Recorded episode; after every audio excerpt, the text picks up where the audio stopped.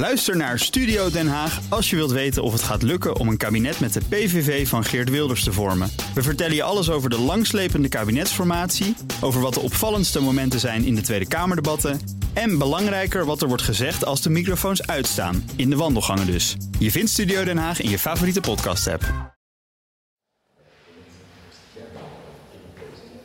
Toch weer even terug naar de rechtbank in Parijs. Ik stond daar kort oog in oog met de man die voor miljarden euro's aan gestolen bitcoins heeft witgewassen. Waarschijnlijk ook bitcoins die van mij gestolen zijn. Zijn naam is Alexander Vinnik en hij staat op dat moment voor de rechter om zijn voorgenomen uitlevering aan de Verenigde Staten aan te vechten. Maar de zaak wordt opgeschort en we lopen allemaal teleurgesteld de zaal uit, de gang in. En daar, op die gang, vertelt Vinniks advocaat Bello me iets waarmee de zaak plotseling heel actueel en politiek wordt.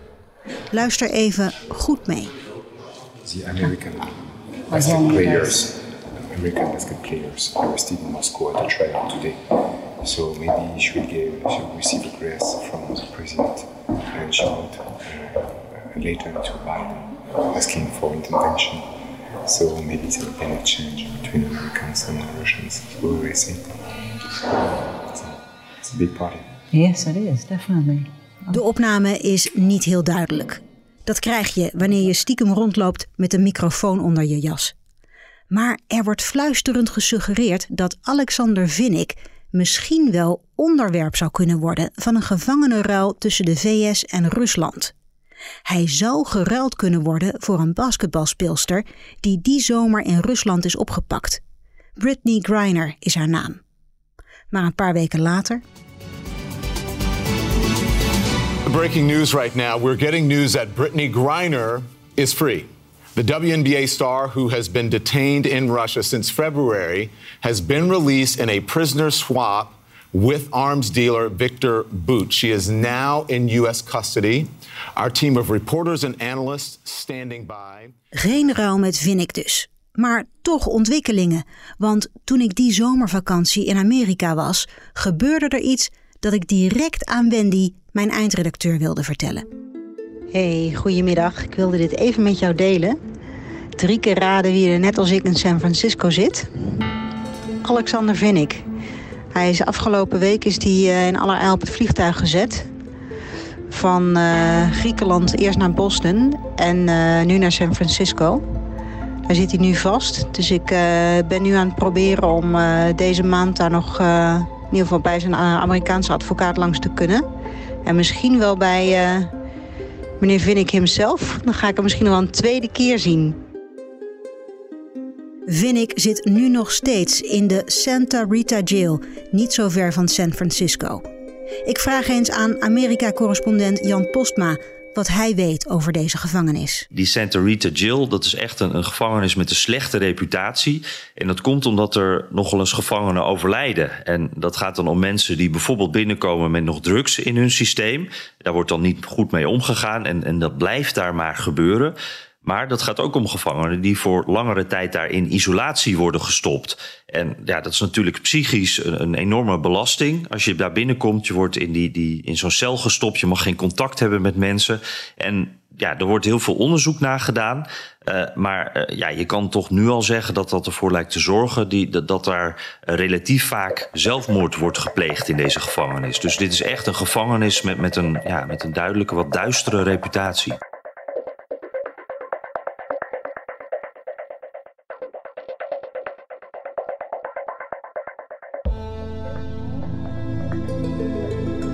Dit is de koude crypto-oorlog. Hoe wereldmachten jagen op gestolen miljarden. Een podcast waarin ik, Eline Ronner, het spoor van mijn gestolen bitcoins volg. En dat spoor leidt me via een malafide cryptobeurs, cybercriminelen, uiteindelijk naar het Witte Huis en het Kremlin. Dit is aflevering 5. Geopolitiek touwtrekken. De jacht op de schat van Vinnik. Dit hele verhaal begint bij de val van Mt. Gox in 2014. Het is de eerste grote beurs waar je in bitcoins kon handelen. Ik deed dat ook. Maar Mt. Gox is meerdere keren gehackt en compleet leeggeroofd. Het grootste deel van de buitgemaakte coins uit Mt. Gox komen in de zakken van Alexander Vinnik terecht. Hij sluist de bitcoins door naar een andere cryptobeurs, BTCE. En daar blijken allerlei criminele zaken te doen, waaronder Fancy Bear. Ken je ze nog? Russian hackers are blamed for breaking into the Democratic National Committee and the Clinton campaign chairman's computers. A Kremlin backed cyber team known as Fancy Bear has also gone after targets. Vinnik blijkt samen met een andere Rus aan het hoofd van deze malafide cryptobeurs te staan. De Amerikanen verdenken hem daarom van het runnen van een gigantische witwasoperatie ter grootte van minstens 4 miljard dollar. Vinnik zal als witwasser de spin zijn in een enorm crimineel netwerk. Er wordt gefluisterd dat hij banden heeft met de Russische geheime dienst. Voor de goede orde, hij is hier dus nog niet voor veroordeeld. Wel heeft hij een paar fikse boetes aan zijn broek hangen.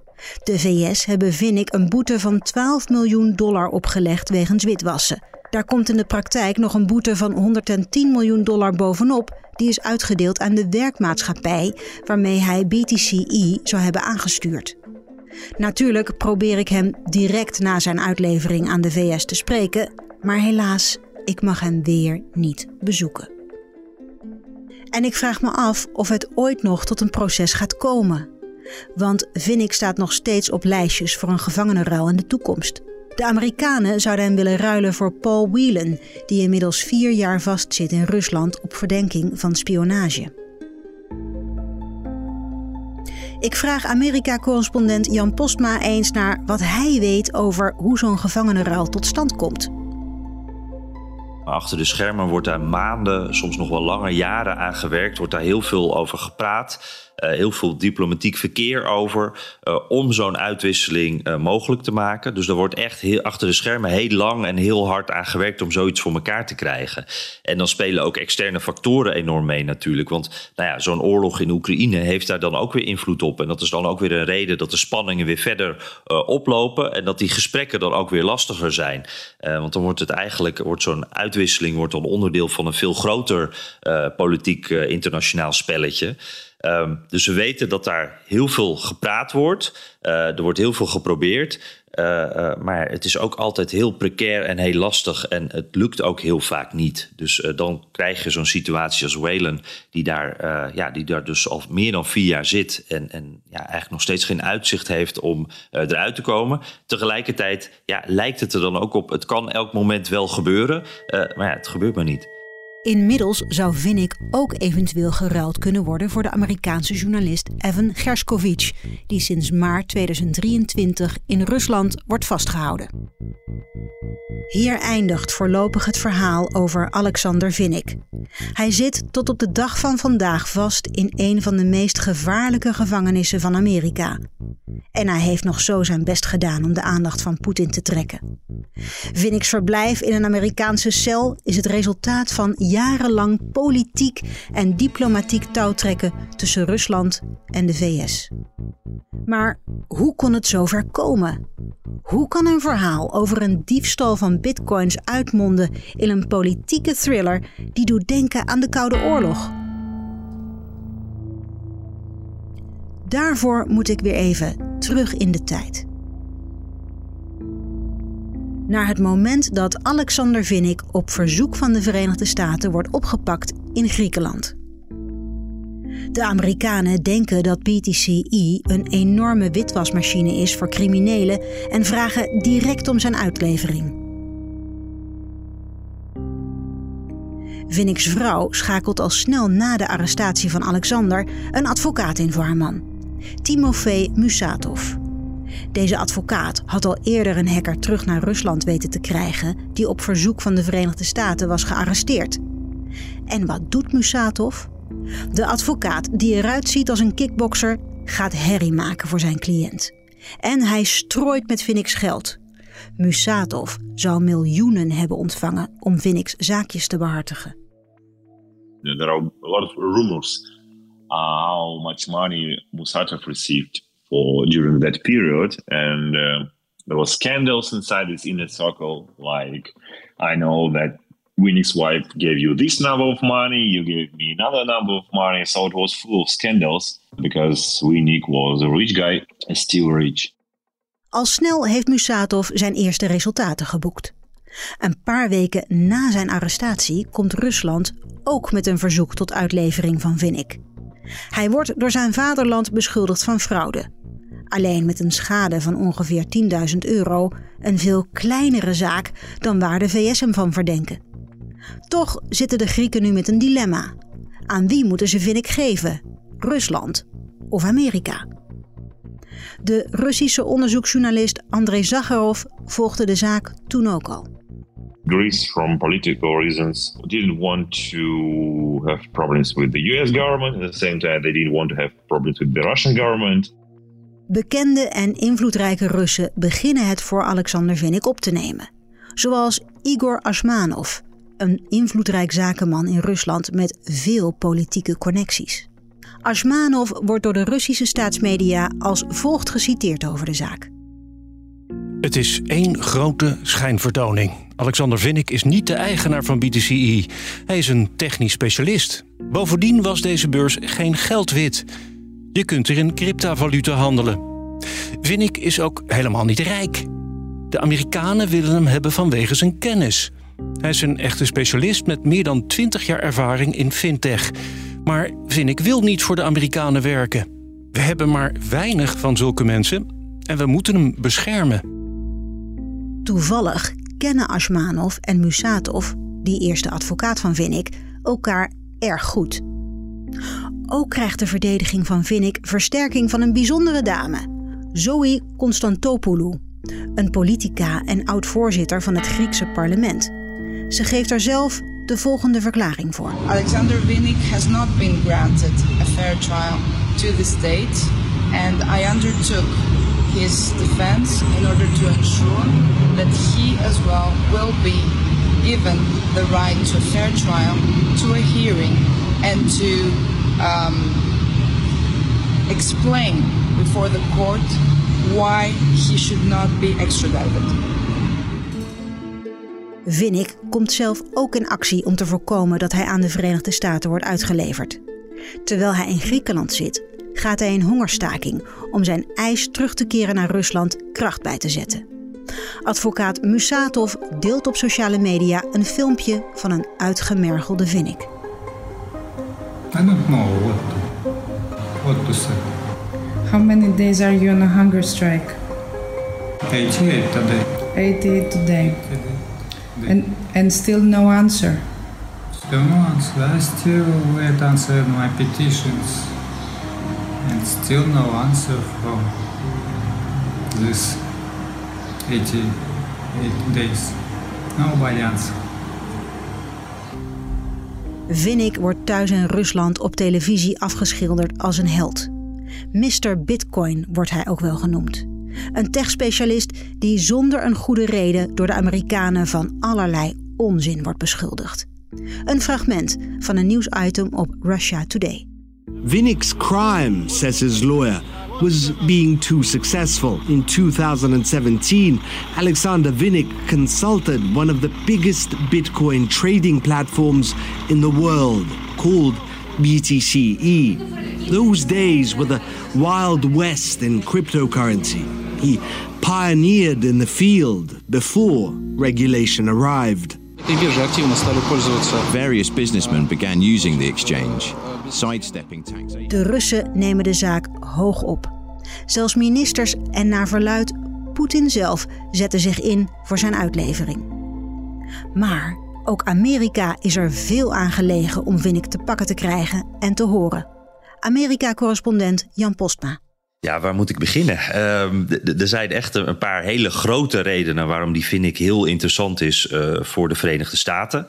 Ehm, ten eerste, eh, in algemene zin, Amerika wil uh, problemen met crypto binnen de perken houden. En Amerika ziet zichzelf ook echt als een politieagent op dat vlak. Kijk ook naar bijvoorbeeld Sam Bankman, Sam Bankman-Fried en FTX op de Bahama's. Daar heeft Amerika ook echt een leidende rol. Ehm, dus dat is heel belangrijk. Politieagent van, Crypto Internationaal. Daar zit bovendien ook een financiële component in. Want ja, dit is ook iets waar, waar weer grote boetes bij dit soort zaken gaan daarmee gemoeid. mogelijk kan er nog wat geconfiskeerd worden. Dus dat is ook interessant natuurlijk voor de VS. En ja, er zit nog een ander aspect aan, wat ook echt wel heel belangrijk hier is in de VS. Um, die vind ik is ook potentieel heel interessant, omdat er zoveel vermoedens over hem zijn, over zijn banden met die hackersgroepen uh, van Rusland. Uh, hackersgroepen die verbonden zijn met het Kremlin, met, met de Russische geheime diensten, met de GRU. Um, ik die zou ook verbonden zijn aan Fancy Bear. Uh, die groep die de Democratische Partij uh, heeft gehackt voor de verkiezingen van 2016.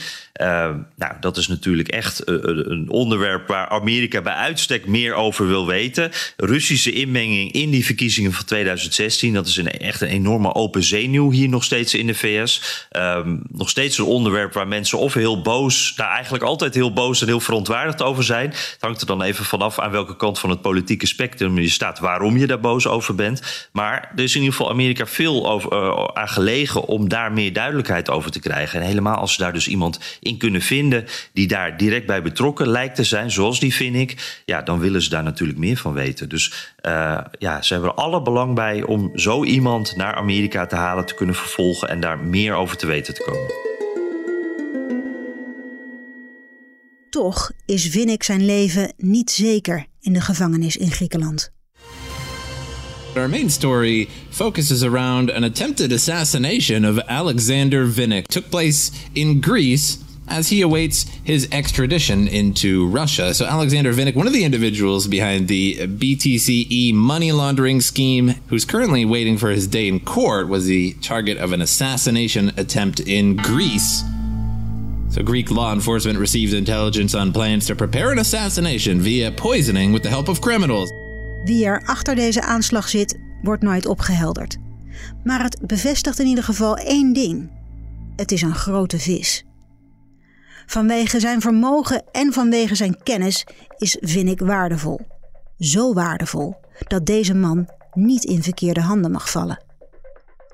Na deze poging om Vinnik in de gevangenis te vergiftigen, wordt zijn beveiliging opgeschroefd. Ook bekent Vinnik schuld op alle aanklachten die Rusland tegen hem heeft. En heel even lijkt het hem een ticket naar Moskou op te leveren. Maar dan komen de Fransen er tussendoor met een uitleveringsverzoek voor Vinnik. Hier wordt hij verdacht en later ook veroordeeld voor het witwassen van de opbrengsten van ransomware. En zo komt Vinnik dus in Frankrijk terecht. De Russen zijn woest en noemen Vinnik op televisie het slachtoffer van politieke intriges. En juist in deze periode valt zijn eerste advocaat, Timofey Musatov, van de trap en overlijdt. Zonder getuigen. In strange conditions. Dit zegt Vinnik's huidige advocaat, Frederik Bellot. Wanneer we over zijn voorganger Musatov praten, krijg ik het gevoel in The Godfather of een andere maffiafilm te zijn beland. Ja, yeah, he made a lot of noise to make his name uh, known and uh, to become, let's say, more famous. And uh, we saw how he ends up. You have to be careful when you choose your attorney. We hebben gezien hoe Musatov is geëindigd en pas op wie je als advocaat kiest, zegt Bello. En hij kijkt me veelbetekenend aan. Een Russische crimineel waarmee ik tegenwoordig wel eens chat, zegt grappig dat Musatov tegenwoordig thee drinkt met Elvis. Toch heeft die eerste overleden advocaat, Musatov, Alexander Vinnik goed op de kaart gezet via zijn contacten. En Musatov helpt ook een andere topman van BTCE, Alexei Bilushenko, alias de Rode Admin. Musatov helpt Bilushenko om een doorstart te maken met de beurs. Hoe dat precies in elkaar steekt, ga ik je nog uitleggen in de volgende aflevering. Voor nu moet je dit weten. Toen Vinnik werd opgepakt en de website van BTCE op zwart was gezet door de Amerikanen, vluchtte Bilushenko als de Wiedeweerga terug naar Rusland. De rode admin had gelukkig nog een reservekopie van de database van de beurs. Bovendien hadden de Amerikanen niet de hand weten te leggen op de cryptovaluta in de wallets van BTCE. Al snel valt op internetfora te lezen dat BTCE een doorstart zal maken. Vervolgens maakt BTCE op onder meer Twitter bekend dat ze doorgaan als WEX. Let's go trade. Follow WEX.nz voor updates. De nieuwe beurs met de naam WEX is geregistreerd in Singapore en het domein van de website is .nz. Dit staat voor Nieuw-Zeeland. Weer een beurs met schimmige constructies dus. Op de blockchain zie ik dat BTCE en WEX gebruik maken van dezelfde wallets. Anders gezegd, de beurs krijgt een nieuwe naam, maar blijft in feite hetzelfde. De volgende halte in mijn zoektocht naar mijn gestolen bitcoins heet dus nu WEX. En ik val bijna van mijn stoel wanneer ik ontdek wie op papier de eigenaar is van WEX. Dmitri Gavchenko. Weet je nog? De zeeman. De man uit aflevering 3 die de zwarte dozen van de MH17 overhandigt. Hij zou in de strijd in Oost-Oekraïne een paar vingers verliezen, maar een fascinatie voor cryptovaluta winnen. Vanaf 2018 is hij formeel de eigenaar van WEX. Iets wat me een tijdje geleden nog een wild verhaal leek, blijkt nu de volgende halte in mijn zoektocht naar de gestolen bitcoins uit Mt. Gox. Hoe wist een kliek van mannen die vuistdiep betrokken zijn in de strijd om Oekraïne beslag te leggen op deze miljardenbuit? Dat vertel ik je in de volgende aflevering.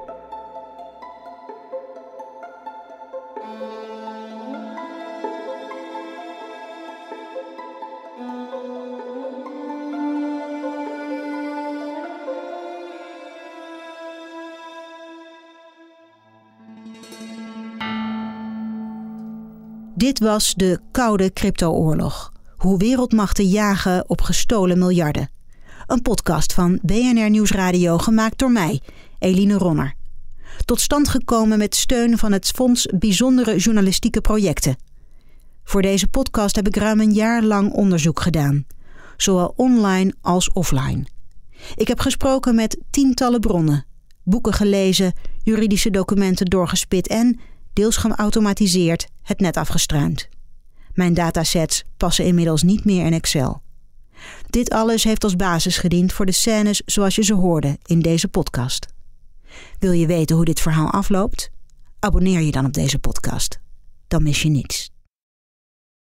Ook Hugo Reitsma vind je in de BNR-app. Superhandig die BNR-app. Je kunt alle programma's live luisteren, breaking nieuwsmeldingen. Je blijft op de hoogte van het laatste zakelijke nieuws. En je vindt er alle BNR-podcasts, waaronder natuurlijk de belangrijkste, Boeken zijn in de wijk. Download nu de gratis BNR-app en blijf scherp.